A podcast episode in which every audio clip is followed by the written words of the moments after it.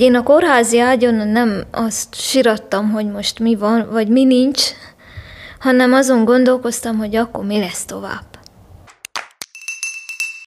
Az élet is egy játék, és akkor is, ha veszítesz, fel kell vedd a következő kártyalapot, és ki kell játszani. Én például olyan típusú személy vagyok, hogyha kiraknak az ajtón, az ablakon visszamegyek. Olyan életet akarok élni, hogy hagyjak nyomot magam után a, társadalomba. Ne hagyjam elveszni azt a tapasztalatot, amit én akaratomon kívül át kellett éljek. Erőt kell venni a fájdalmakon, túl kell lépni, nem kell olyan nagy jelentőséget adni neki, mint amekkora humorral a legkönnyebb kezelni. Erre lépésről lépésre azt mondtam, hogy akkor én így vagyok, szép vagy vagyok. Jelenleg is ez a probléma, hogy, hogy olyan infókat nem tudnak a sérültek a saját jogaikról, saját lehetőségeikről, ami, ami létfontosságú lenne. Ez egy létező helyzet, egy létező probléma. Bármennyire is akarjuk szőnyeg alá söpörni, vagy bármennyire is tér el az ideálistól, ez a probléma létezik, és ezt kezelni kell. Ez itt a Pertú, háromszék legközvetlenebb portré podcastje. Különleges karakterek, érdekes életutak, motiváló, példaértékű tevékenységek és persze jó sztorik. A házigazda Máté Kincső. Csodás csütörtököt kívánunk mindenkinek, sziasztok, nagyon örülök, hogyha ma is itt vagytok velünk, már csak azért is, mert mai vendégem apropóján bízom abban, hogy ez a beszélgetés is, de remélhetőleg ennek a beszélgetésnek az üzenete is nagyon-nagyon messzire el fog jutni, és nagyon sok fülhöz, illetve értő emberhez, személyhez el fog jutni.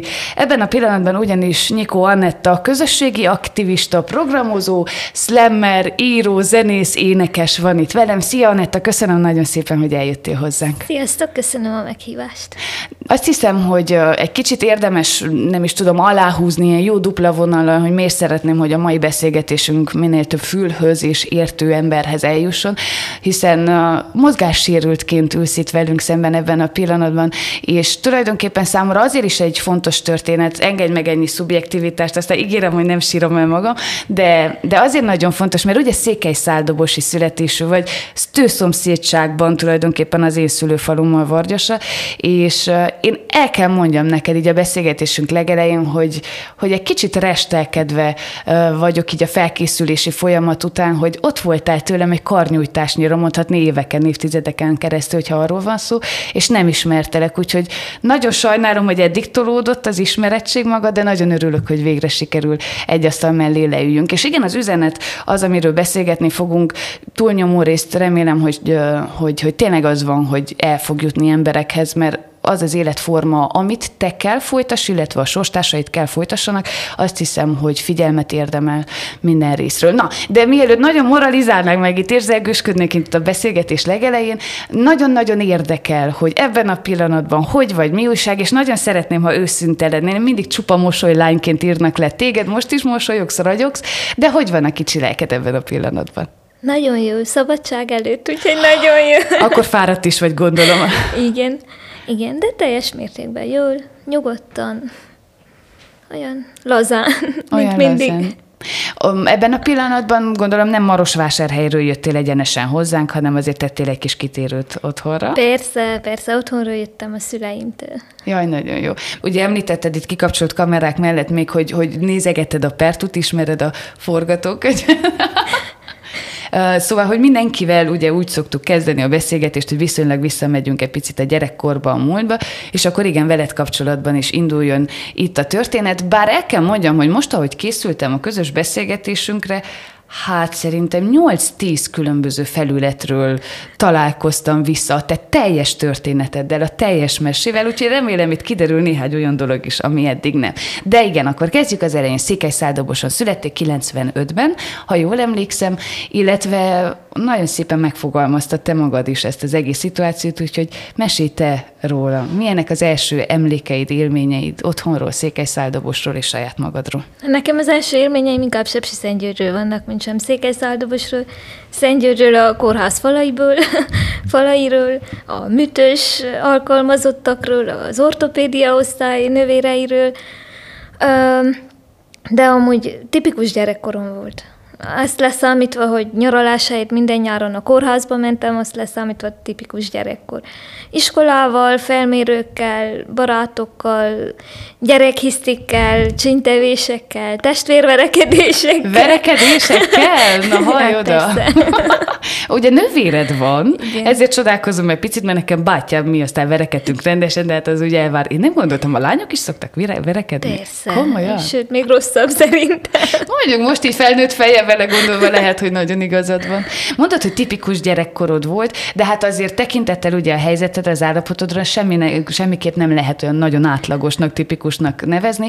Gyakran interjúk során te magad mondod el, hogy, hogy az a közeg, az a környezet, székelyszárdobos, ahová te beleszülettél, nem kezelt téged furcsaként, idegenként, tehát olyan megszokottá vált az, hogy van Anetta, és milyen jó, hogy van nekünk Anetta. Há, igen, pont ezért tartom tipikusnak, mert hogy annyira hétköznapi volt az, hogy én ott vagyok a közösségben, ott vagyok a faluba.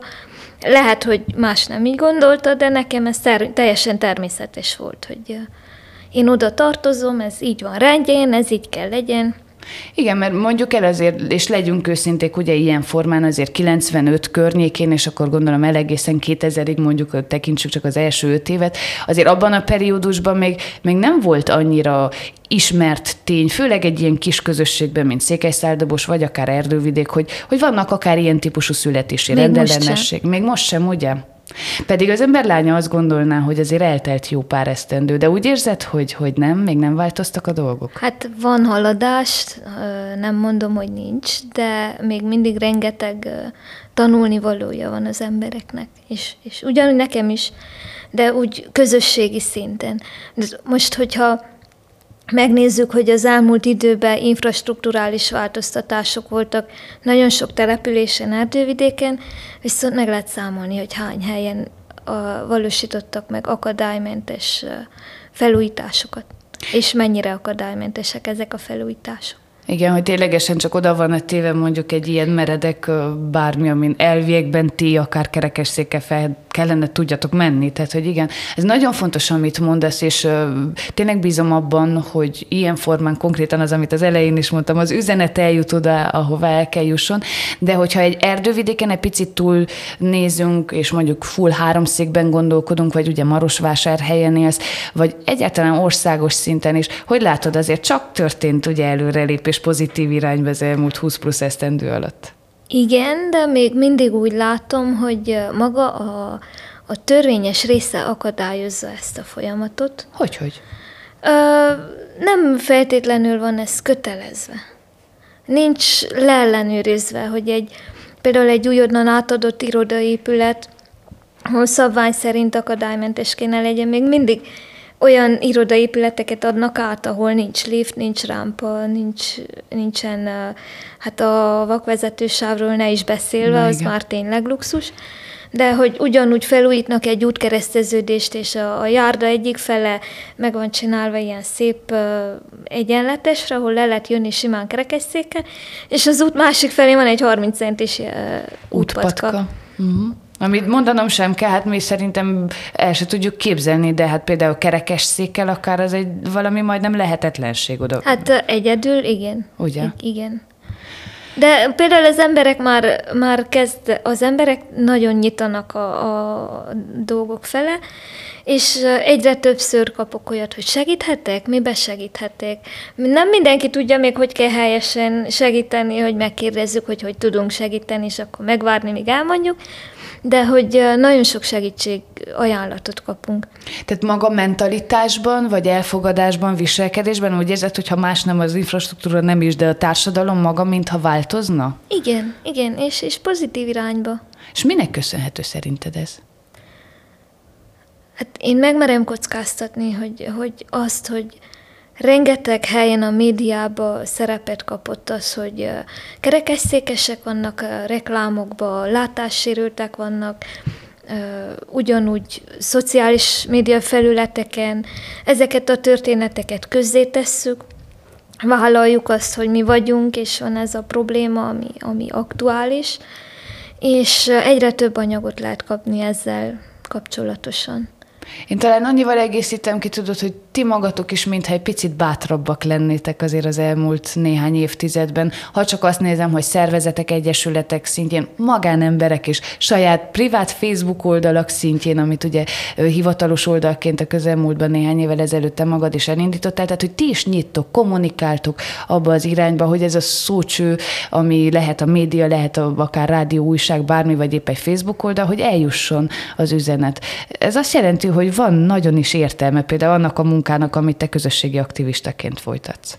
Igen, úgy gondolom, hogy ezt le kell nyomni az emberek torkán, hogy Gyömöszölni. Ez, igen, hogy ez van, ez egy létező helyzet, egy létező probléma. Bármennyire is akarjuk szőnyeg alá söpörni, vagy bármennyire is téle, tér el az ideálistól, ez a probléma létezik, és ezt kezelni kell. Én például olyan típusú személy vagyok, hogyha kiraknak az ajtón, az ablakon visszamegyek. nagyon jó, nagyon jó. É, és hogyha látom, hogy egy uh, ilyen projekt esik, süllyed, akkor uh, valamilyen úton, módon igyekszem megtámogatni egy kicsit, hogy na akkor mégis pusoljunk egyet rajta. Mm-hmm. De gondolom nem veszik rossz néven az ilyen pusolást az emberek, ugye? Hát ajánlom neki. mert ha nem lesz had, de had, nagyon jó. Én nagyon szeretem, valamelyik, nem is tudom, talán Kurta Kingával készített beszélgetésben hangzott el, hogy kicsi a bors, de erős, tehát hogy pont amilyen picike vagy, annyira nagyon mosolygós, de ha kell, akkor oda tudod tenni az asztalra a dolgokat. Ez az erőteljes határozottság, ez a talpra esettség, mondjuk, mondjuk egy ilyen komoly ügy kapcsán is túl azon, hogy ugye a saját esetenként személyes sérelmeid vagy tapasztalataid, de hogy ez az erő, ez honnan jön, honnan fakad, és nagyon fontos kérdés, hogy kanyarodjunk egy picit a múlt felé azért vissza, hogy ez mindig is megvolt neked? Ez jó kérdés, és összetett.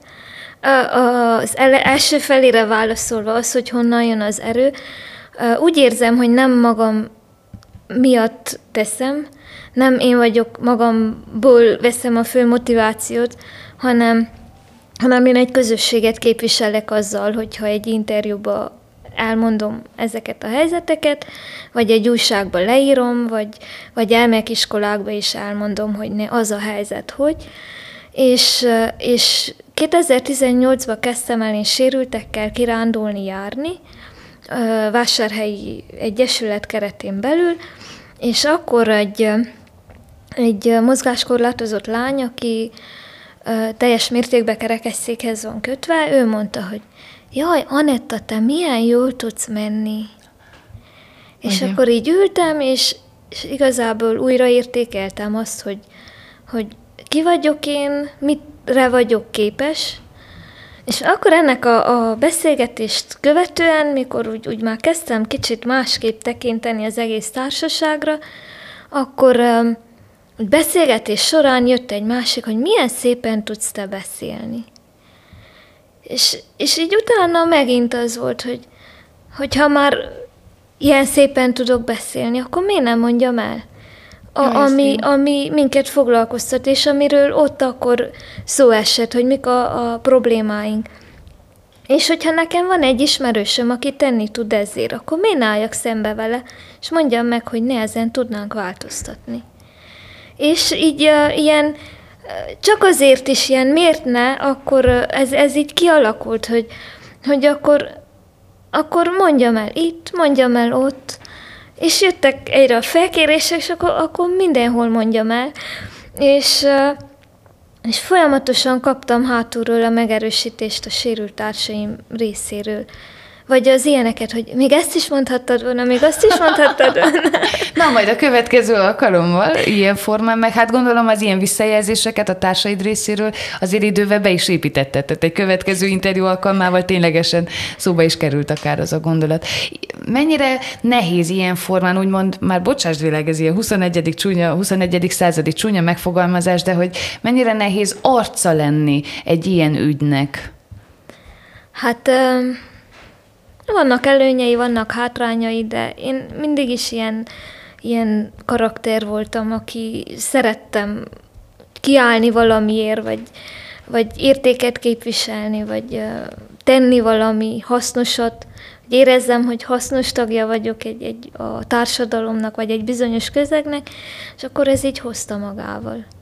És nem ezzel a szép gondolattal egy kicsit akkor tényleg vissza is tudunk ugrani időben a múltba, a gyerekkorod, és egyáltalán Székelyszáldabos irányába, mert hogy az az igazság, és azt hiszem most már tényleg időszerű lenne lassan a Pertu dobozhoz nyúljak, mert itt vagyunk, beszélgetünk mennyi ideje, és még nem került elő az egyik legfontosabb tárgy. Én hoztam neked egy tárgyat jelzésértékkel, lássuk, hogy vajon tudod-e kötni, hogy mi apropóján. Ez egy kémcső, mondom azoknak, akik csak hallgatnak és néznek bennünket, azok látják, ugye, de ez egy ilyen kis klasszikus, nagyon egyszerű kis kémcső, amiben gondolom én vért meg minden más szoktak tartani, de hál' Istennek nagyon nem vagyok képbe a kórházas, meg egészségügyi ügyekkel veled ellentétben. Vajon miért hoztam kémcsövet? Hát nem tudom. Akkor segítek egy picit. Azt olvastam valahol, egyelőre még nem áruljuk el valahol, hogy te életedben először, ugye magad említetted a beszélgetésünk elején, hogy a gyerekkorod azzal telt, hogy rengeteget kórházasztál. Én annyival kiegészítem, hogy szó szerint minden nyáron, illetve minden nyáron műtöttek, ez azt jelentette, hogy minden alkalommal újra kellett tanuljál nyárni, járni, illetve én el sem tudom képzelni, milyen Ja, lehet. hogy, hogy mi akartam lenni? Nem, nem, nem, de mondd el, mert látod, ezért jó ezek a tárgyak, ezért fantasztikusak, mert, mert ahányan vagyunk, annyi dologra asszociálunk. Úgyhogy gyere, mesélj olyasmit, amit ezek szerint én még nem tudok. Hát én kicsi-kicsi koromban, akkor ott a kórházban, akkor mindig orvos akartam lenni hogy majd segítek uh-huh. mindenkinek. Aztán nagyon eltekeredtem tőle. Igen, mert aztán jött például ugye tiszteletes asszony is szerettél volna lenni, aztán az is eltekeredett Igen. valahová. Na de mielőtt el, eljutunk addig, gyorsan elmondom, hogy én mire gondoltam, kötődik értelemszerűen, bár tény, hogy az én gondolatom nem ennyire vidám és mosolygós. Nekem a kimcső onnan maradt meg, hogy olvasván a te történetedet, volt az a pillanat, amikor egyszer a kórházban voltál, és arra ébredtél fel egy egészen komoly műtét után és komoly altatás után, hogy, hogy egy bácsi talán, vagy egy idősebb úriember életét veszíti szó szerint abban a teremben, ahol te vagy, és kicsit libabőrös lettem. Akkor az asszisztensnő nyúlt a kémcső után, és vette észre, hogy te ébren vagy, és csak annyit kiabált, hogy vigyétek ki a leánkát, vigyétek ki a leánkát. Jó Isten, ráz a hideg. Mert a kérdésem az az ennek kapcsán, hogy egy olyan gyerekkorban, Anetta, ami kórházazásról, ami ennyi fájdalomról szól, mert rengeteg fájdalom ért téged ugye a műtétek véget, illetve egy ilyen indulással, hogy lesz valaki ennyire erős, mint te most 20 annyi esztendősen? Valahogy összefügg szerintem, hogy, hogy én a kórházi ágyon nem azt sirattam, hogy most mi van, vagy mi nincs, hanem azon gondolkoztam, hogy akkor mi lesz tovább. De mindig? Hát kaptam löketet a szüleimtől erre, hogy, hogy mindig valami pozitívat, és amúgy a kórház alkalmazottaitól kaptam. Volt olyan takarítónő a kórházba, aki, aki segített nekem ilyen nagy álmokat szűni, hogy amikor te leszel doktornén is, amikor így úgy. De hogy, hogy nagyon erős támogató közeg volt körülöttem mindig, és akkor ugye a kórház ágyon az nem az volt, hogy hogy most ez fáj, az fáj, hanem vagy népdalokat énekeltünk, vagy terveztük, hogy majd visszamegyek az iskolába, és akkor mi lesz, vagy hogy ha nagy leszek, akkor mi lesz. Mm. Úgyhogy, hogy igen, például a könyv, ahol olvastad a, sztorit, az is egy ilyen kórházi ágyas álom, vagy terv volt, hogy hogy én, hogyha most itt vagyok, és ezt a sok mindent át, át kell éljem, akkor én ezt majd megfogalmazom, és én ezt majd leírom, hogy, hogy más is tanuljon, vagy hogy olvashassa el, vagy láthassa, hogy megottha- megoszthassam azokat a gondolatokat, amik engem foglalkoztattak. Úgyhogy szerintem innen jön, hogy, hogy egyféle gondolatelterelés a- az adott fájdalomról, és, és ilyen álmodozásokba folytottam ezeket a, a fonalakat, hogy ne legyen időm azzal foglalkozni, hogy milyen szar a helyzet, Igen. hanem azon, hogy, hogy, hogy akkor mit tudunk ebből kihozni. Ez zseniális, zseniális. Ez gondolom mentalitás, neveltetés kérdése is, tehát ehhez kellenek azok a szülők, meg kell az az anyuka is, akiről remélem még fogunk bővebben. De előtte még egy gondolatot csak a kémcső kapcsán, mert végső soron egy nagyon-nagyon fontos pillanathoz kötődik ez a tárgy. Életedben először találkoztál akkor a halállal, mint jelenséggel. Ez mennyire ijeszti meg azt a pici apró lányt, aki, aki egyrészt túl megy ezen az egészen, másrészt az a komoly altatás azért mégiscsak ijesztő volt, például anyukádnak is többek között. Igen, ez, ez engem annyira abban az irányba befolyásolt, hogy, hogy én mindig úgy voltam, hogy na, én olyan életet akarok élni, tudván az, hogy bármikor vége lehet, így a, az előző tapasztalatok alapján, hogy olyan életet akarok élni, hogy hagyjak nyomot magam után a, a társadalomba. És, és a, a könyvnek is, és nagyon sok tevékenységemnek, és a filmnek is, és mindennek ez volt a, a fő mozgatórugója, hogy hagyjak nyomot magam után. Valamilyen szinten, ha, hogy ne hagyjam elveszni azt a tapasztalatot, amit én akaratomon kívül át kellett éljek. Azért kérdezem, és azért próbáltam ebbe az irányba terelni a beszélgetést, mert van még egy tárgyam, amit viszont segítséggyanánt ehhez elő kell vegyek. Mondom azoknak, akik csak hallgatnak bennünket, ez egy pakli magyar kártya, ami már egyébként magyar kártya járt a Pertó asztalán, de ez a pakli kártya most nagyon tudatosan az eredeti 32 darab, ugye kettő különböző csoportba van válogatva, számosokra, illetve a nem számosokra. És hogyha itt teszem le az asztalra, és mosolyogsz, akkor azt jelenti, hogy, hogy tudod, hogy miért hoztam pont így ezt a paklikát. Hát a 66. A 66, így Egyet partizunk egyébként majd felvétel után. Benne vagyok. Mert ez úgy, úgy tűnik, hogy erdővidéki sajátosság, hogy mindenki a nagytatától, aputól, meg azért megtanulunk jányként is, Igen. ugye 66-ozni, és az egyik kedvenc játékom nekem például. Gondolom te nekem is így is, vagy ezzel. De már nagyon rég nem játszottam. De liceumban minden nap nem tudom, hány pakli kártyát vetettünk el a tanárokkal. Olyan? Nehogy órán Óra is. közben ment a parti, ezt így utólag be lehet vallani. Igen. Én egy picit más vonatkozásban gondoltam a kártyára, akkor te mondd, ha tudod, igen. Gondolom nagyapámra. Papu miatt, papúra, igen. Papúra céloztál. Igen, én tőle tanultam meg kártyázni is, és azt kell tudni papúról, hogy ő is nagyon sok fájdalmon ment keresztül, úgy lelki, mint fizikai fájdalmakon, és, és ő volt az az ember, aki, aki mindig azt mondta, hogy nem fáj. Jól vagyok, nem fáj, és akkor gyere kártyázzunk egyet, gyere csináljunk valami egyebet.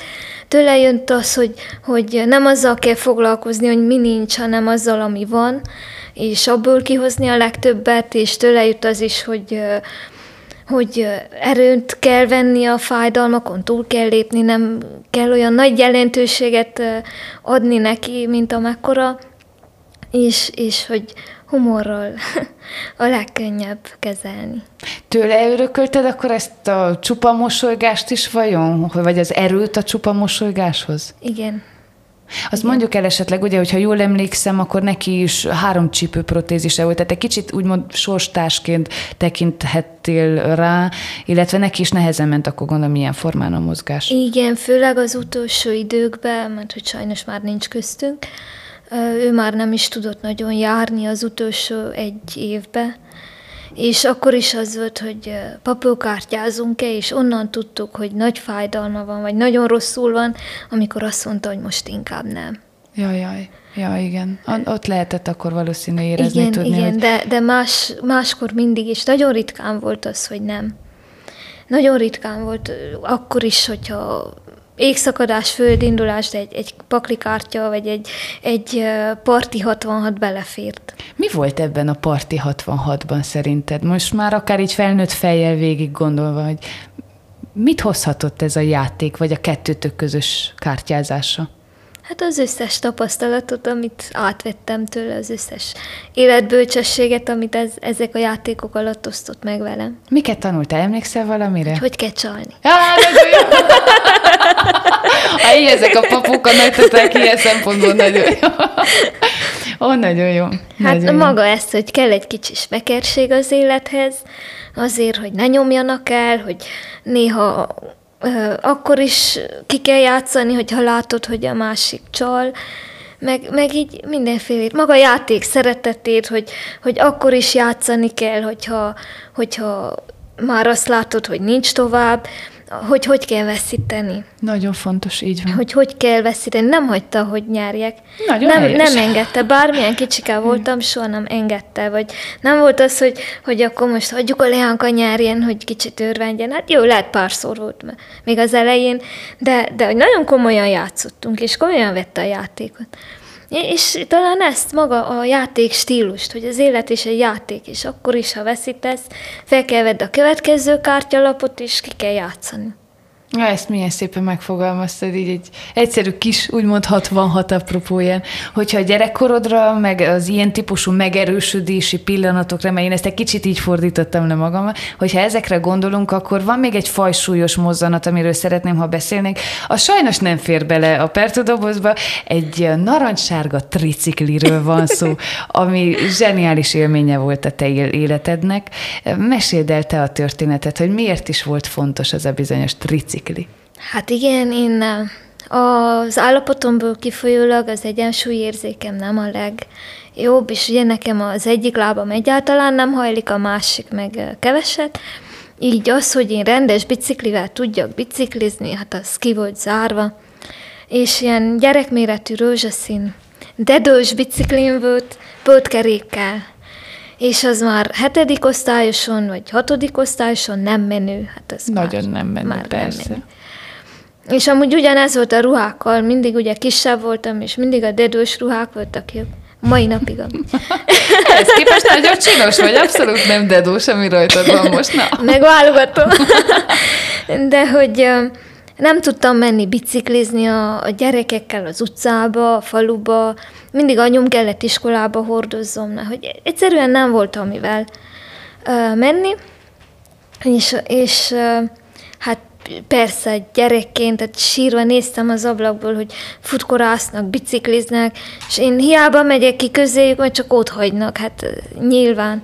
Én még menni is lassan megyek csiga per kettővel, és akkor így, így mindig le voltam maradva. És kaptam, volt, hát egyszer felhívott a, a tiszteletes úr, az akkori tiszteletes úr, sajnos ő sincs már köztünk, és hát tudtuk, hogy a, a valami holland testvér település, vagy segélyszolgálat, nem tudom mi volt, de mi folyamatosan hoztak csomagot az egyházhoz. Uh-huh. És egyszer csak felhívott a tiszteletes úr, hogy le kéne menjek egy kicsit hozzájuk, és én tudtam, hogy pont ott vannak a hollandok a, a tiszteletes úréknál, de hát én soha nem gondoltam, hogy ebből mi fog kisülni. És valamennyire tudtam németül, németül beszéltünk, beszéltek velük, és akkor lementem, és bemutattak nekik, és akkor ilyen az én szegényes német szókincsemmel beszélgettem velük, és rá egy hónapra, két hónapra ismét hívott tiszteletes úr, hogy le kéne gyere ismét. És nem tudtuk, vagyis hát szerintem a szüleim tudták, én nem mm-hmm. tudtam, hogy miről van szó. Lemegyünk és kinyitsák a parókiának a garázs ajtaját, és ott van két három kerekű bicikli, és nagy, és há- ilyen háromnegyedes méretű uh, bicikli, és nem dedős, és nem pótkerekes, és kettőt küldtek, hogy hadlám méretben melyik lesz jó, és melyiket tudom használni, Hát én olyan boldog voltam. Hát Utána mindenhova biciklivel mentem, és, és az volt a vicc benne, hogy senki más nem tudott menni a biciklivel, mindenki csak körbe-körbe ment, mert aki két kerekivel tud menni, az ezzel nehezebben tud érvényesülni. Te voltál a menő csaj Én voltam a menő, hogy tudok menni ezzel a biciklivel. Jaj, nagyon jó, nagyon jó. Látszik, mai napig látod, beszélsz a triciklidről. Még megvan. Megvan, komolyan? Otthon még mindig azzal járok. Jaj, nagyon jó, nagyon jó. Lám, vannak dolgok, amiket nem szabad, és nem is kell, nem is kell elengedni. Számomra azért volt nagyon-nagyon fontos ez a történet, mert túl a kedvesség részén, túl a mosolygáson, ugye, amikor hallottam én is ezt az egész sztorit, azért benne van az a történetben, Anetta, hogy addig téged vittek az iskolába. Addig te nem nagyon tudtál szabadon mozogni. Ugyanúgy, Igen, az volt az első lépés a függetlenedésemnek. Ezt, ezt köszönöm, hogy te mondtad ki. Ezt köszönöm, hogy te mondtad ki, mert szerintem ez nagyon fontos, főleg, hogyha teljes életutadat nézzük. És úgy szeretném most, hogy három órás legyen a pertó, hogy mindent érdemben végig tudjunk beszélni, de hát nem mindig van erre lehetőség és alkalom, úgyhogy arra is kérlek rögtön, hogy ugorjunk egy picit az időben. Ugye a tricikli után, illetve egyáltalán a, az otthon töltött idő után volt ott egy kicsi szomorkás rész, amikor az osztálytársakkal gajra ment a barátság. Ha jól értelmeztem, 7.-8. osztály környékén. De igen, a kamaszkor. A kamaszkor, igen. Ezt egy utólag felnőtt fejjel, hogy látod? Szerintem az is egy, egy jó kis lecke volt mindannyiunknak, nem csak nekem, mindannyiunknak. egy, egy jó kis ilyen feladat, amit túl kellett uh, lépjünk, amit meg kellett értsünk.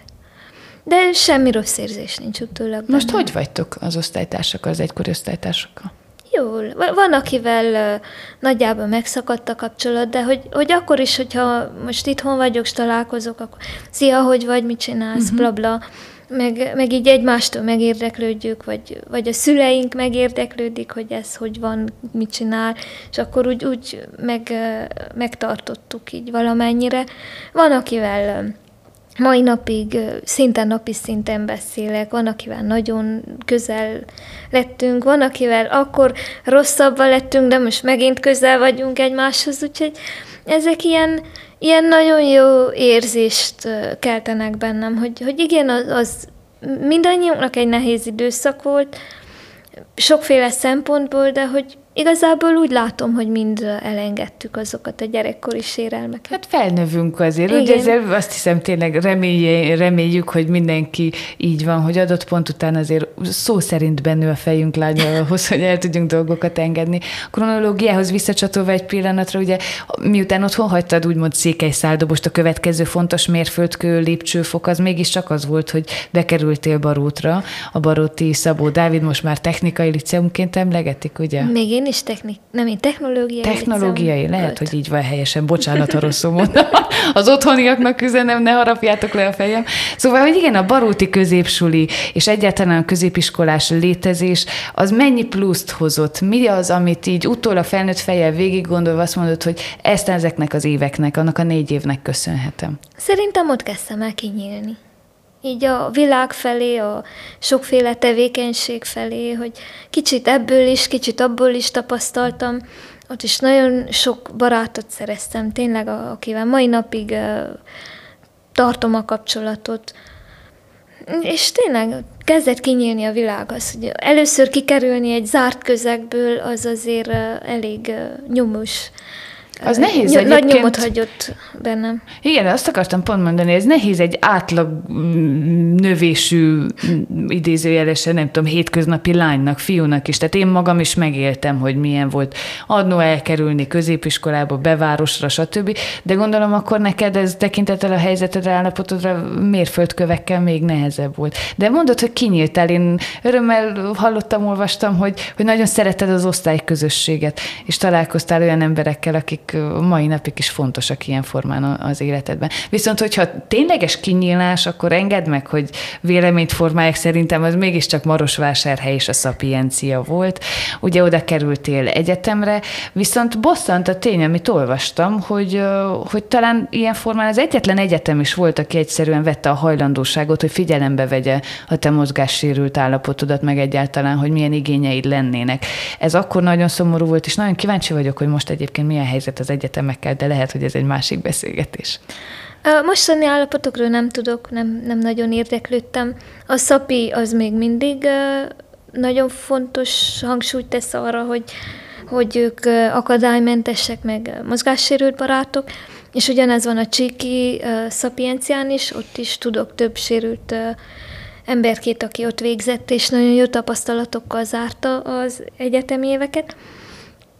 Um, és mit akartam mondani? Számodra a szapiencia és ja, Számomra a szapiencia, hát először kerültem úgy, hogy nincs itt anyu, nincs itt apu, és nagyon messze van, nem tud házi papucsba odafutni, hogy baj van, és nem tud fél óra alatt ott lenni, mint Baróton, hogy végeztem, haza kéne vinni, vagy valami van. És hát magamra voltam utalva.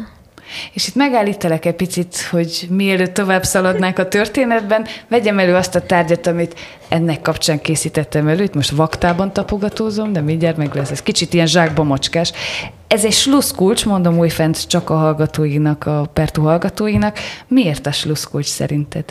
Hát a kocsi, a sofőr, suli, a az ilyen, de azon, amúgy még itthon voltam, amikor elkezdődött az egész cica. Igen, de hogy ha jól értettem, akkor pontosan azért volt neked ez hatalmas motiváció, hogy tudjál elmenni egyetemre, Igen. tudjál tovább tanulni. És kalandos, nagyon rövid idő, két hónap alatt két szerezted hónap. meg a jogsit. Hát igen, de, de az összes felkészülési folyamat, amíg eljuttunk oda, hogy egyáltalán elkezdhessem, az, az több mint fél év volt. Igen, ezt meséld el kérlek, hogy mitől volt, hát értelemszerűen rettenetesen bonyolult ez a procedúra, ha jól értettem. Hát nem bonyolult, csak senki nem tudta, hogy hogy kell. Mert igazából, amikor kiderült, hogy hogy kell, vagy amikor kiártuk az ösvényt, akkor most már tudom mondani valaki másnak, és se perc alatt végigjárja. Uh-huh. Csak hogy nekem nem volt, aki elmondja, nem volt semmi példa, hogy, hogy ne XY megcsinálta, és akkor annak a mintájára. De mindenki, minden törvényt össze-vissza tudtak, senki nem tudta, hogy ezt hogy lehet kivitelezni, hogy én levizsgázhassak. Hol azt mondták, hogy a saját autóval kell, hol azt mondták, hogy mást kell átalakítatni. Teljes fejetlenség volt, bárhova mentünk, aztán hát ezt mindenhol elmondtuk, hogy, hogy én vizsgázni akarok. A létező összes helyen. és, és egyszer csak valaki hívott, hogy, hogy valakinek a valakilyenek a valakie tud egy uh, sofőrsulit Brassóba, ahol van egy átalakított autó, és hogy, hogy oda, oda lehet. És ez volt talán csütörtökön, és azt mondták, hogy hétfőn indul a kurzus, hogy pénteken el kell intézni a papírokat, és hétfőn ott voltam az első órán. Jaj, nagyon jó, nagyon jó. El se tudjuk képzelni, vagy én legalábbis nem tudom elképzelni egy ilyen átalakított autó egész pontosan mit jelentett, hogy a te igényeidnek megfeleljen, mert most is mondjuk el, nem mondunk márka nevet, mert nem illik, de olyan gyönyörű autóval jött Anetta, hogy csak. Szóval, hogy milyen kell legyen egy ilyen speciális autó ahhoz, hogy, bocsáss meg, meg kell kérdezem, hogy most pontosan hány centi is vagy te? 120. 120, igen, hogy, hogy például 120 centivel ezt érdemben, biztonságosan a forgalomban, úgy, ahogyan te is teszed, vezetni tud.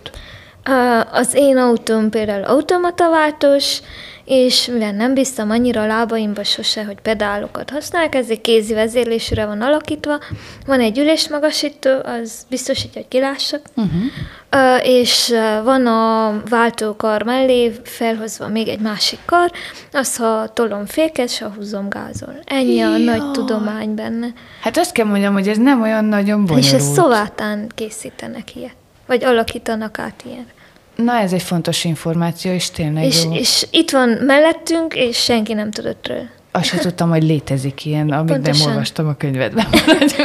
Pontosan ez, ez volt nekem is a problémám, és jelenleg is ez a probléma, hogy, hogy olyan infókat nem tudnak a sérültek a saját jogaikról, saját lehetőségeikről, ami, ami létfontosságú lenne. Ami megkönnyíteni, és, gondolom, igen, az egyszerű én is így voltam. Én is így voltam, annyi, hogy hogy tényleg olyan család van mellettem, akik ugyanígy megmozgatnak minden követ, hogy kiderítsünk fontos információkat. Az az első élmény, amikor már frissen szerzett jogsival csapattad Marosvásárhely felé, az megvan-e? Vagy az első hát ilyen komolyabb, megvan, hosszú vezetés? Megvan, de hát nem szabadott menjek egyedül. Nem szabadott egyedül menni? Hát nem engedtek a szüleim. Ja, ja, ja. Hát akkor, hogy úgy képzel, egész családot volt az autóban, Igen. vonultatok mindannyian, hát, de mondjuk, Igen, ha egyetemre nem, megy az Nem maradhatott ott az autó sem, édesapám hazahozta, és én maradtam autó nélkül, és mikor jöttem haza, felhozta az autót, és hazavezettem. Komolyan? Nem engedték vajon, hogy nem. te ott vagy biztos, hogy féltek, hogy a városban persze. vezetgetni fogsz ez Persze, aztán muszáj volt ők is tovább lépjenek, mert kellett járjak gyakorlatra, szakmai gyakorlatra, és mikor felsoroltam, hogy mennyibe kerülne taxival eljárjak szakmai gyakorlatra, akkor inkább akkor ez, maradjon ez jó a kocsi. Papu valamire megtanított itt a smekkekedés apropója. Ügyesen, ez nagyon jó. Na de akkor az első önálló vezetés élménye az mikor volt ilyen formán? Másodéves egyetemista. Már, tehát egyetemista évek. És megvan az érzés? Igen, ha itthon még vezetgettem egyedül, sőt, elég sokat uh, kerültem itt a három széket, hogy, hogy mehessek hosszú útra, de persze megvan, hát ma az a függetlenségnek a, a szagja, az az illata, az az érzés, hogy, hogy nem kell jöjjön senki velem, hogy most uh, eljussak A-ból B-be, és, és maga, ami még nagyon jelentősen megmaradt, hogy el tudtam menni vásárolni. Hát én addig úgy vásároltam a bántlakásba, hogy pont az ajtó mellett laktam, kinyitottam az ablakot, és uh, láttam a, a bántlakó társaimat táskával mennek le a lépcsőn, és akkor kérdeztem, hogy ha vásárolni mész, hozol egy kenyeren? és nekem egy másfél évig, két évig ez volt a bevásárlás. Vagy ha a lakótársaim mentek vásárolni, akkor adtam a listát. És megköszönted szépen a segítséget. megköszöntem így van. szépen, De látod, ha már itt tartunk ilyes formán, akkor itt hozzuk szóba a kerekesszék kérdését is. Mert ugye Igen. neked, én ha jól értettem, ez egy hatalmas, hatalmas segítség volt olyan szempontból, hogy szintén egyfajta előrelépés, a világ felé. Igen, hogy, hogy hát én egy bevásárlóközpontban nem tudok annyit sétálni, hogy, hogy körbejárjam. Esélytelen. Még, még hogyha most is, hogyha úgy járok, most is úgy járok vásárolni, hogy, hogy először elgondolom, hogy most ha három dolgot kell vegyek, azt a három dolgot az üzletnek melyik sarkaiba találom meg. Uh-huh. Hogyha nagyon messze van, akkor inkább hívok segítséget, de igyekszem, hogy egyedül meg tudjam oldani, és akkor ilyen optimális, legrövidebb utat számolok a fejembe, hogy hogy kell menjek ahhoz, hogy, hogy a lehető leghamarabb, legkevesebb sétával tudjam megjárni, és ugye ilyen három dolog, amit még elbírok. Úgyhogy mm. ilyen nagyon sok feltétele van egy bevásárlásnak. Szerencsére most bejöttek olyan szolgáltatók, akik behozzák a termékeket az ajtón belül. Igen, ezért a pandémiás időszaknak megvolt a maga pozitív hozadék. Igen, de hogy minden ilyen nagyon-nagyon nagy logisztikát igényelt, minden ilyen tevékenység, és, és akkor bejött a kerekesszék, hát az is úgy, hogy, hogy barátokkal nem tudtam menni koncertezni. Uh-huh. Egyetemistaként pedig mi a legjobb dolog az egyetemista létbe? Hát a diáknapok, s a koncertek. És én erre nem tudtam menni.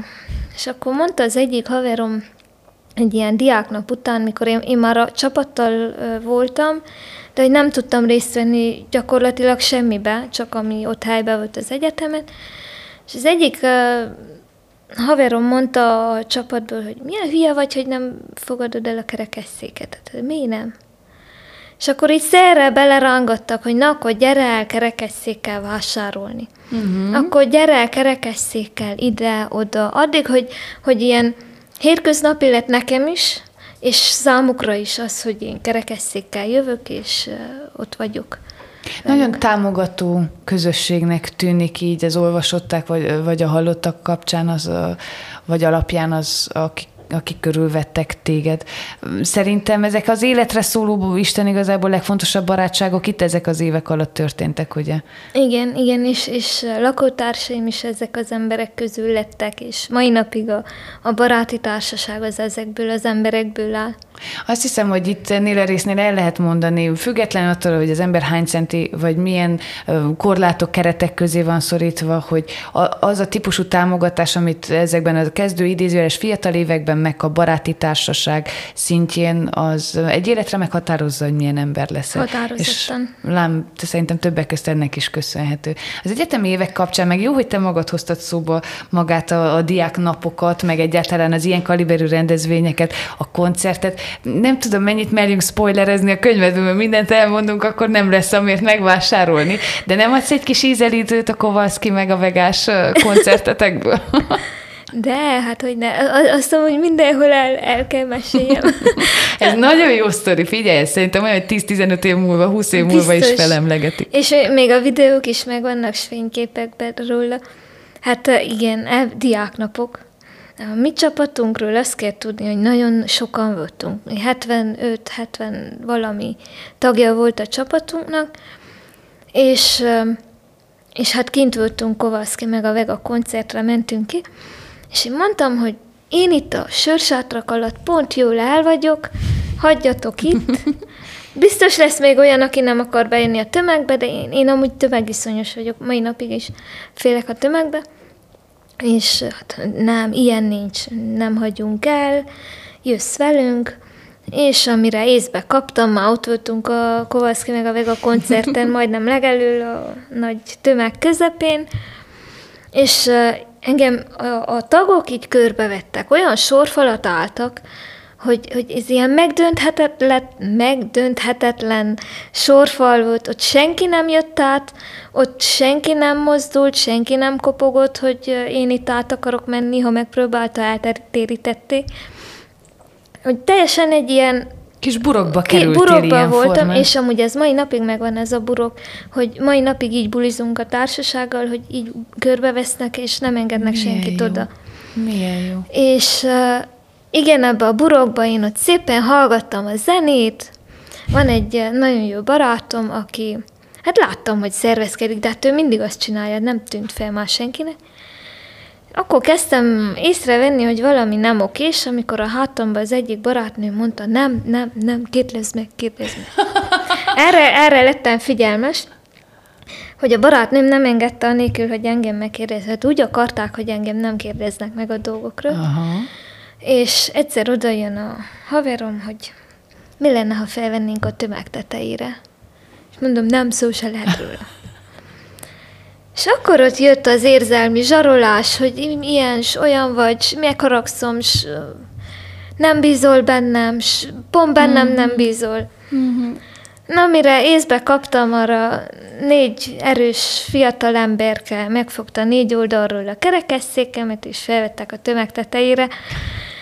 És uh, ugyanakkor abban az időben a többi fiú a nagy csapatban megfogta a többi csajt fel a nyaka közé, és így fent a tömeg tetején fogtuk egymás kezét, és énekeltük, hogy amilyen hülye vagy, én úgy szeretlek.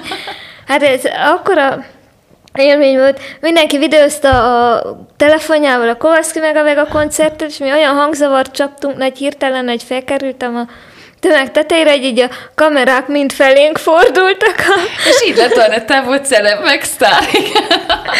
Szerintem ez egyébként Kovalszkiknak is egy emlékezetes koncert volt valószínűleg. Hát nem tudom, hogy mennyit realizáltak ők ebből az egészből, hogy mi folyik ott, de gondolom, hogy azért felvételek csak megmaradt nekük is. Igen, meg szerintem azért a színpadról ezt úgy látni lehet, amikor hopp, egyszer csak egy kerekes székes lány így a tömeg tetején ott van. Zseniális barátaid voltak az egyetemi évek És alatt. vannak. És vannak, hál' Istennek, igen, meg megmaradtak. Igen. Az egyetem kapcsán még egy dologról nagyon szeretném, hogyha tudnánk beszélni, ehhez is hoztam tárgyat, mert hogyha szóba kerül ugye az akár, hogy, hogy a kerekesszék vagy az autó mit hozott, akkor beszéljünk arról is, hogy lányként, hölgyként, nőként mennyire szépen elkezdtél kinyílni az egyetemen. Nagyon jelképesen egy pár fülbevalót hoztam a saját kollekcióból, de olyan szép a tiéd, hogy lehet, hogy azt kellett volna becsempészni inkább. Nekem is rengeteg fülbevaló van. Én Igen? Nagy fülbevaló gyűjtő vagyok. Na jól van, akkor 66-ozás közben ezt jól meg kell beszéljük, mert én is. Látod, látod, hiába egy helyre született az ember, akkor ez adódik. Na de a fülbevaló apropóján, és tényleg csak jelzésértékkel, hogy élted meg te ezt az egész folyamatot? Akár a középiskolától egyébként, akár napjainkig. Ez is egy jó kérdés. Amúgy sokáig nem foglalkoztam azzal, hogy én nő vagyok. Úgy egyszerűen a sok egyéb probléma mellett mellékes volt, hogy Eltörpült szó szerint. igen, igen. Hogy, hogy én most a nőként is feleljek meg elsősorban önmagamnak, másodszorban társadalomnak. Társadalom női elvárásainak nem feltétlenül akarok megfelelni, ami ezt illeti. Nagyon helyes, igen. És, és hát alapból a szakmám is egy nagyon férfias szakma. A programozásra hát, a programozás, gondolsz, igen. igen. Hát az egyetemen is heten voltunk csajok. Vagy 90, 50, Összvisz, hány 50 fős volt az azt? valahányból. 50 valahány. Úgyhogy mindig is, és a bántlakásba is, hát amikor bekerültem, akkor nyílt ugye a szapi bántlakás, és amikor bekerültem a bántlakásba, első beköltöző voltam. És valami 36-on voltunk csajok, és mm, 90 valahány fiú. Hoppá! Úgyhogy mindig fiú többségben voltam a, a, az 5, nem, 92-es osztályban is, négyen voltunk lányok, és kilenc fiú, úgyhogy mindig uh, ilyen közegben voltam, de valahogy nekem ez nem, nem volt jelentős. Én, én jól megvoltam a fiúkkal is, lányokkal is, nekem ez nem, nem volt furcsa. Sőt, én a bentlakásban akkor szerettem a legjobban, amikor fiú folyosón laktam, mert sokkal tisztábbak voltak. Komolyan? Na ilyet se hall az sokkal tisztább volt a konyha. Lehet azért, mert nem használták annyit, de hogy mindig tiszta volt a konyha. És hogyha, hogyha én voltam a folyosó felelős, és hogyha ö, szóltak, hogy ellenőrzés lesz, akkor mindig kaptam négy-öt fiút, akit ki tudtam rángatni, hogy nyalják ki a konyhát. Úgy, úgy, úgy, úgy. Szépen takarítsanak az a dolgok. Igen. jó. De hogy, hogy maga a nőiességemmel, vagy hogy én nő vagyok, ezt, ezt jóval később már szerintem dolgoztam, vagy egyetemista körökbe kezdtem el én azon gondolkozni, hogy hát meg én nő vagyok. És, és hogy ennek van jelentősége. Ezt, ezt ki kell használni, meg kell élni.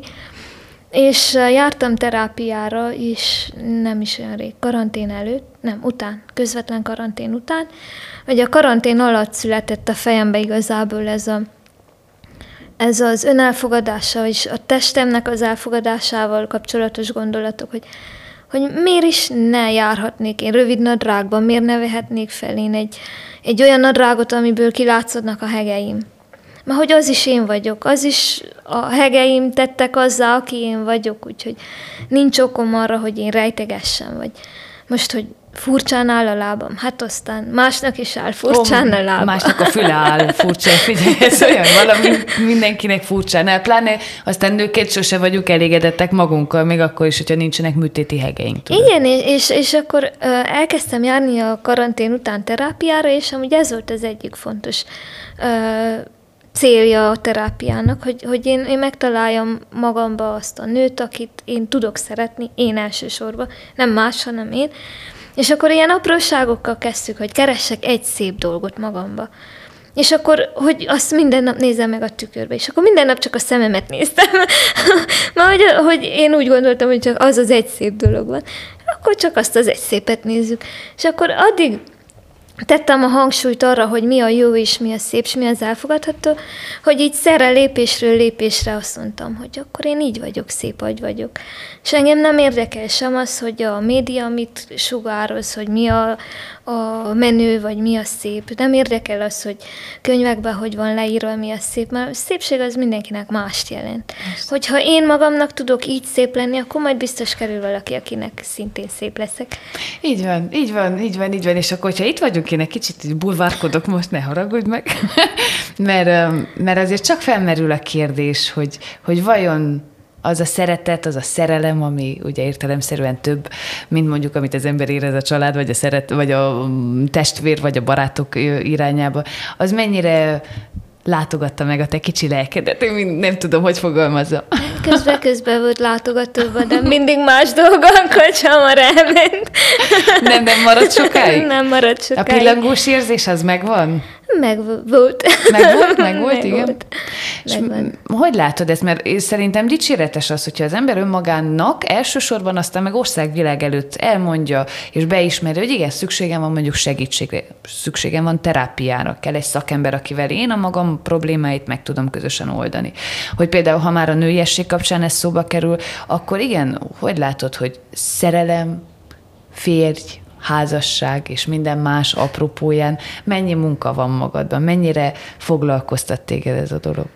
Hát mivel nem olyan rég, hogy igazából elkezdtem ezen dolgozni, és amúgy nagyon határozottan látom a különbséget, hogy elkezdtem magamon dolgozni, és az előtt hogy viszonyultak hozzám, például a fiúk, vagy az uh-huh. után, hogy hogy viszonyulnak, vagy hogy, hogy mondjuk biztos abból adódik, hogy én hogy viszonyulok az egész helyzethez, de ugye én nem zárkozok el semmitől, és, és úgy gondolom, hogy majd egyszer úgyis eljön az, akit a fennvaló nekem szán, és akkor megismerek valakit, és talán ez működhet, de nem siettetem a dolgot, és nem görcsölök rá erre nagyon az egész jó. sztorira. Nagyon. Volt idő, amikor nagyon rá voltam erre, hogy nekem úgyse lesz senkim, hogy én úgyse fogok kelleni senkinek, de ugyanez szerintem abból adódott, hogy én amíg nem tudtam magamat elfogadhatónak, vagy megfelelő társnak tartani, addig, addig nyilván ezt közvetítettem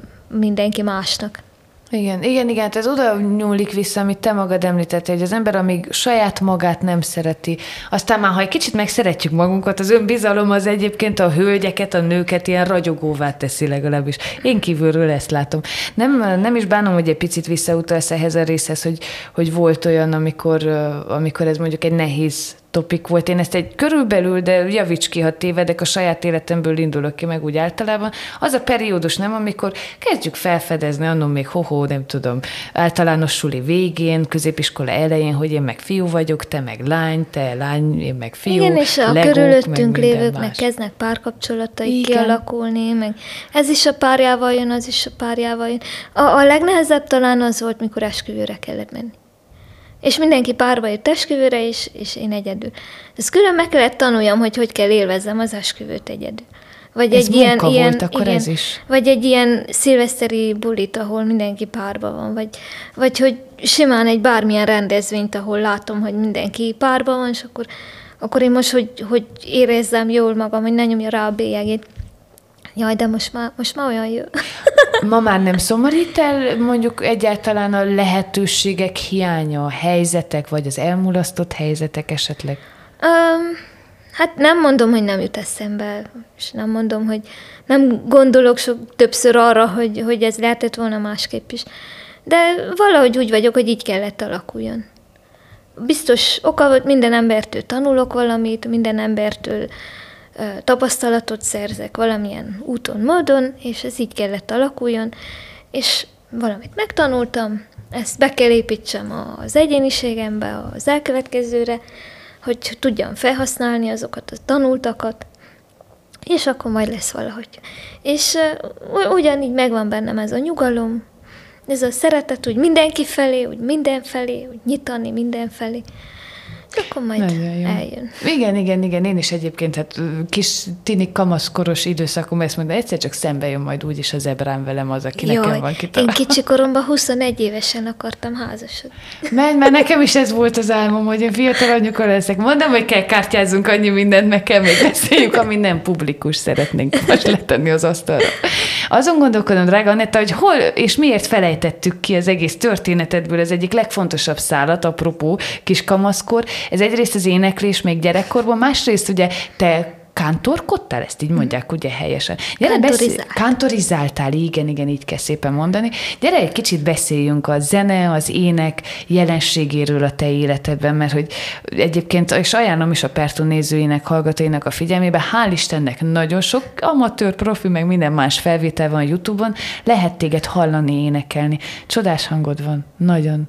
Hogy, hogy indult a történet? Hát ez is a kórházból, mert minden műtét után volt gyógytorna, amit anyukám vezetett le, és hogy ne bőgjen végig az egész gyógytornát, mert hogy az írtóra fájt, ezért énekeltünk. Ordítás helyett dalonáztatok. Igen. igen. igen. Igen, úgyhogy volt ideje fejlődni a hangomnak, hogy 11 műtét után végig énekelni 11 évet, meg volt az edzés, és, és akkor mindig népdalra, népdalokra tornáztunk, meg volt, hogy melyik népdalra milyen gyakorlatot, és nem szabadott gyorsítsam a tempót, mert akkor gyorsabban tornáztunk, az jobban fájt, nem szabadott kihagyni szakaszt, mert anyum észrevette, és akkor kétszer énekeltük el azt a szakaszt, hogy következőkor biztos emlékezzek rá.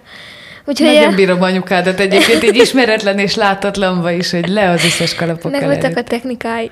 Igen, igen. Ő is papőtől tanult. jó, jó helyről jön az eredeti tudás.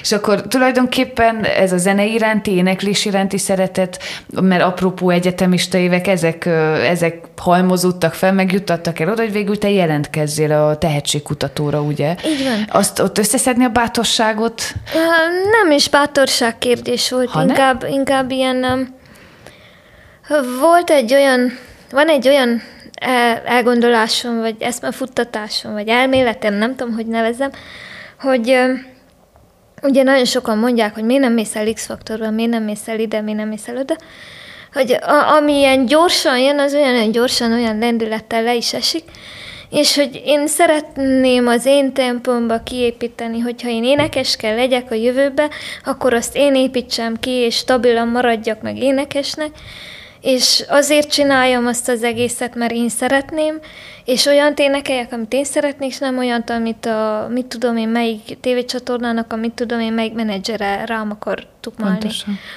És um, én amúgy első osztályoson vagy második osztályoson kezdtem el zongoraórára járni, és ez végig kísért, tehát liceumban is majdnem végig zongoraórára Nem jártam. nagyon szereted a klasszikusokat, azt viszont Nem. én kikerekedett szemmel olvastam, hogy mi volt Nem. a baj Bachal beethoven Szerintem nem, nem volt jó a sorrend, ahogy megismertem őket. Jaj.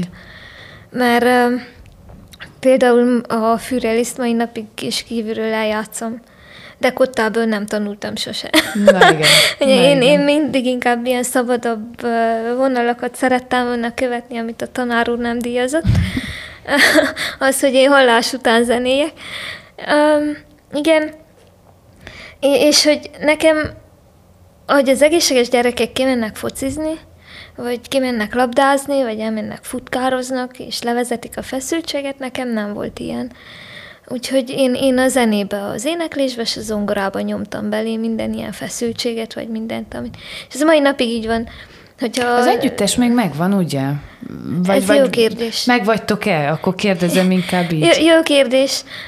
Az előző gondolathoz visszatérve, hogy a mai napig hogy úgy megyek haza a munkából, hogy robban el a fejem, akkor leülök vagy a zongora, vagy a basszusgitár mellett, és, és azon, az olyan instant három óra Anettának megint szalagszakadás, mert ő, ő akkor Ez csak énekel, vagy nem foglalkozol vagy... semmi mással. Igen. Ez nagyon jó. És utána teljesen jó. nyugodtan megy tovább az élet, csinálom a dolgokat.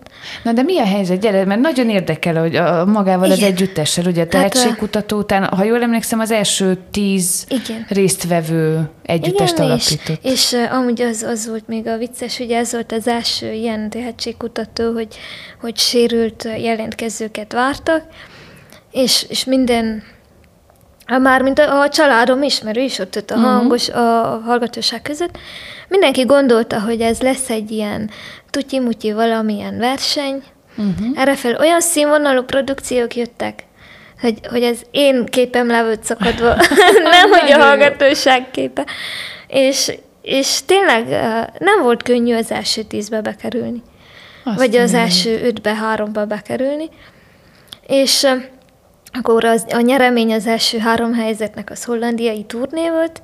Egy hetet voltunk kint Hollandiába, és minden nap volt koncertünk, akkor szólóba léptünk fel. Mm. És az úgy elvarázsolt, az úgy magával ragadott, kész, azóta sincs belőle szabadulás. És igen, akkor az első tízből létrehoztunk egy zenekart, próbálgattunk, voltak fellépéseink. Sajnos um, kiszálltak páran a zenekarból, és sajnos el is veszítettünk egy tagot uh, a januárban, és eléggé megviselte ez az egész dolog az együttest. Most van rá egy halvány remény, hogy a maradék tagokat összeszedjük, és újra lábra állunk. Annyira jött igazából a társaság, és annyira egyedi volt az, amit csináltunk, számunkra is, hogy, hogy nem tudjuk elengedni, és nem nagyon nehezen tudnánk elengedni, és így próbáljuk még a maradék hamut, amikor a ház leég, de úgy szedjük össze, igen, hogy hát, igen. hogyha abból még valamit tudunk csinálni, uh, meglátjuk. Én nagyon bízom benne egyébként, hogy tényleg nem, nem esik szét teljesen a csapat, mert teljesen érthető a januári eseményekre egy kicsit fókuszálva, teljesen érthető, hogy ilyenkor egy óriási szuszpansz kell annak a kis közösségnek, tudod, aki egy együttes, egy zenekar. De tényleg, ahogy te magad is mondod, az, amit ti képviseltek, túl a gyönyörű hangotokon, meg a jó bulin, a színpadon, az annak üzenetértéke van, tehát szerintem ezt nem szabad elengedni, de ez ilyen full szubjektív. És, és nagyon jó barátok lettünk. Tehát azóta is nem voltak próbáink az idén például, de olyan hónap nincs, hogy ne beszéltünk volna. Ugye? Jaj, de jó. Jaj, de jó. De ezt öröm, öröm hallani. Az jut közben eszembe, hogy gyorsan pörgetem a listát, amit ugye az elején felsoroltam, azt lemelésről még egy nagyon picit beszéljünk, bár azt is talán beavathatjuk a Pertó nézőket, hallgatókat, hogy kikapcsolt kamera mellett mondtad, hogy hát már nem annyira aktuális. De mi történt akkor? Mert a történetet azt azért nagyjából ismerjük. Miért nem írsz ma már szlemmeket? Nekem ez a kérdésem. Á, nem tudom. Miért? Mert úgy annyi minden van folyamatosan. Egyszerűen nem volt olyan ihlet, ami, amit most úgy meg kellett volna fogalmazni.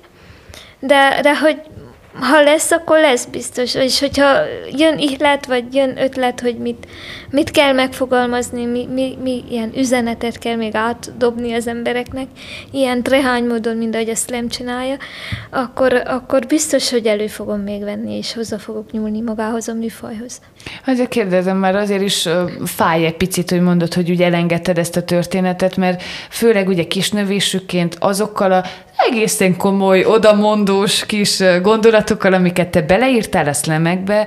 Én azt hiszem, te Anetta, hogy zseniális maga a műfa is szó nélkül, de hogyha valahogy hatni lehet 2023-ban is még mindig, az talán ez egy az, az egy jó módszer erre azt lem, ezt akarom mondani, és tényleg, na, tehát ezt az üzenetet, amit te képviselsz, lehet, hogy ilyen formán is érdemes átadni. Na de hogyha azt lemet nem is gyakorlod már olyan sűrűn, jött egy új szerelem az életedbe, ehhez hoztam tárgyat, és az az igazság, olyan sokat beszéltünk már róla, annyiszor előfordult, a, vagy megjárt az agyamat, hogy kapjam elő, de gondoltam, megtartom a végére, mert mégiscsak úgy illik. Anettának a könyve van a kezemben, a Kalitkába zárt végtelen című kötet, ami idén májusban, ha jól emlékszem, jelent meg a Tortoma kiadó gondozásában, és tulajdonképpen egy csomó izgalmas dolog, amit most el is meséltél, de azon kívül még a rengeteg izgalmas dolog le van írva a te életeddel kapcsolatban. Szóval a slam után jött az új szerelem. Az írás, ami, ha jól értettem, nem is annyira új, mert talán már kis kamaszkorodban elkezdted leírni. Ez végig kíséri. Maga az írás, az végig kísér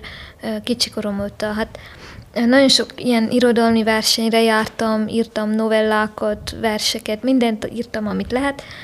Még, még eszé tanulmányom is volt a Szentpéter esernyőjéről, Tamás Járonnak a Szentpéter esernyőjéről, és ezzel voltam Magyarországon versenyre.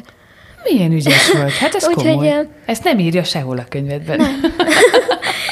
és én nem bele voltam folyva az irodalomba, úgy tényleg komoly országos versenyekre jártam, és mindenféle. Imádsz akkor olvasni is, gondolom, persze, ilyen formán. Persze. És hát igen, ahogy említettem már korábban, ez a kórházi ágynak a, az egyik ilyen álma volt. Amúgy anyukám mindig fél, vagyis most már fél ezektől az álmoktól. Akkor még nem tudta, hogy mi, mivel biztat engem, de uh, most már fél az ilyen álmoktól, mert hogy elkezdtem őket megvalósítani. Yeah. A kötet most már, ha jól értettem, akkor így nyár elején azért már jártál több helyen, több erdélyi városban sikerült bemutatni. Milyen visszhangra ler, és egyáltalán milyen a fogadtatása? Uh, nagyon jó, jó visszajelzéseket kapok, mindenki azzal kezdi, de az eleje. Ah, igen. igen, igen, de hogy kell az a, a, a mélység az elejére, hogy értékelni tudja az olvasó a végét. Így van, így van. Úgyhogy maga az egész folyamatot le kellett írjam ahhoz, hogy kerek legyen a történet, és számomra is egy, egy megújulás volt, egy, egy olyan, hogy letettem ezt a terhet a vállamról, ez a múlté, és akkor most kezdjük tiszta lappal. És amit ugye korábban te magad említettél, hogy, hogy nyomot hagysz magad után. Igen. Tehát azért egy kötet az már olyan tudod, hogy ha majd egyszer nem leszünk, ez akkor is talán ott sorakozik Igen. a könyvespolcon. Úgyhogy én gratulálok, mindenképpen élmény volt olvasni, és el kell mondjam, hogy visszacsatoljak itt a beszélgetésünk legelején lévő ömlengésre, vagy, vagy libabőrödzésre, vagy remegő hangra, hogy szerintem a 30, nem is, konkrétan tudom, hogy a 33. oldalnál elsírtam magam. Tehát olvastam a triciklis történetet, és az eszem állt meg. Szóval azt akarom mondani, hogy mindenki olvassa el. Legalább tényleg. a 33 Ne, olvassa végig, mert 100 plusz fölött van azért, hál' Istennek, de tényleg olvassátok el, mert, mert ez egy olyan történet az Anettája, amiből egyébként remélem, hogy nekünk is itt sikerült kis ízelítőt adnunk, hát kevés az idő. De van még egy fontos kérdésem, és anélkül nem akarlak elengedni. Olvastam valahol egy újságcikkben, talán egy ilyen kis ilyen villáminterjús történet volt, hogy egyrészt óriási nagy álmod tudod neked utazni, repülőre ülni egész konkrétan, és elmenni Kukutyinba. Na, az a kérdésem, te hol van ez a Kukutyin egész pontosan a te olvasatodban, Még ha már nem állok? találtam meg. nem, de ugye elképzelés sincs. Uh, én, én szeretnék minél több helyre eljutni.